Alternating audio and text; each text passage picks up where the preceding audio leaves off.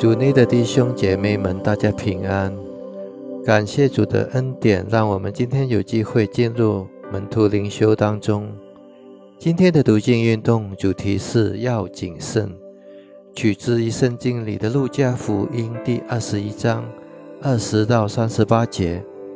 我们先一起低头祷告，慈爱的天父，感谢你的保守。感谢你赐给我们新的力量来进入新的一天，求主赐给我们一颗刻母的心来聆听你的话语。我们这样子的祷告是奉靠主耶稣基督的圣名所求，阿门。时代越先进，人的生活却越败坏，滥交、同性恋、双性恋和跨性别、毒品、欺诈。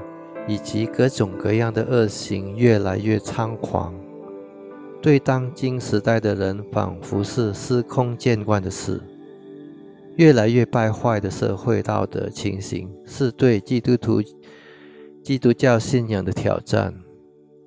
必要承认的是，信徒恳切的过着基于信心的生活，越来越困难。我们也不少听闻关于基督徒，甚至是基督教领袖弃离弃信仰的新闻，因为他们被世界的吸引力迷住了。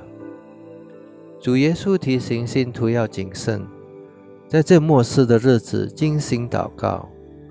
我们不晓得何时是末日，主耶稣第二次再来，但很明显的，我们已经在末世的日子中。我们要谨慎和时时警醒，预备好面对任何事的发生。警醒是守夜人常用的言辞。一个守夜的人，比那些在日间看守的人要更加提高警惕。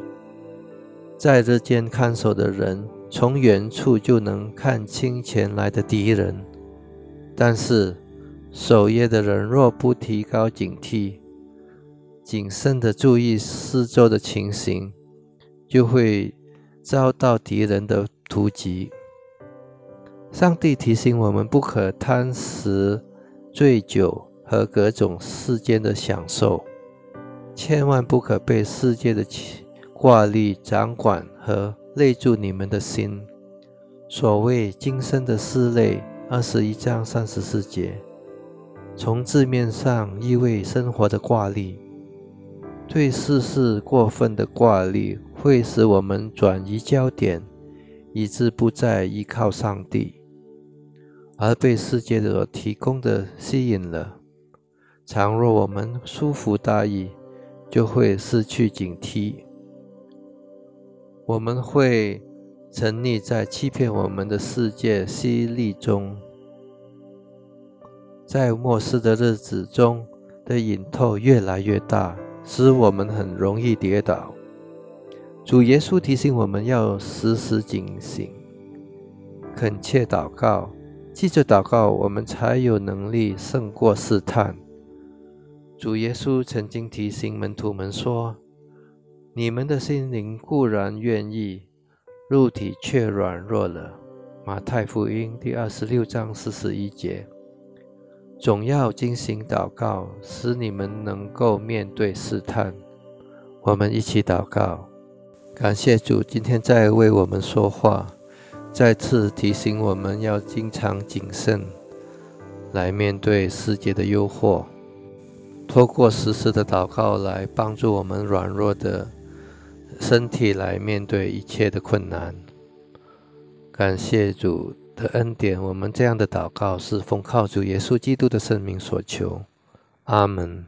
希望大家有一个美好的一天，上帝祝福大家，再见。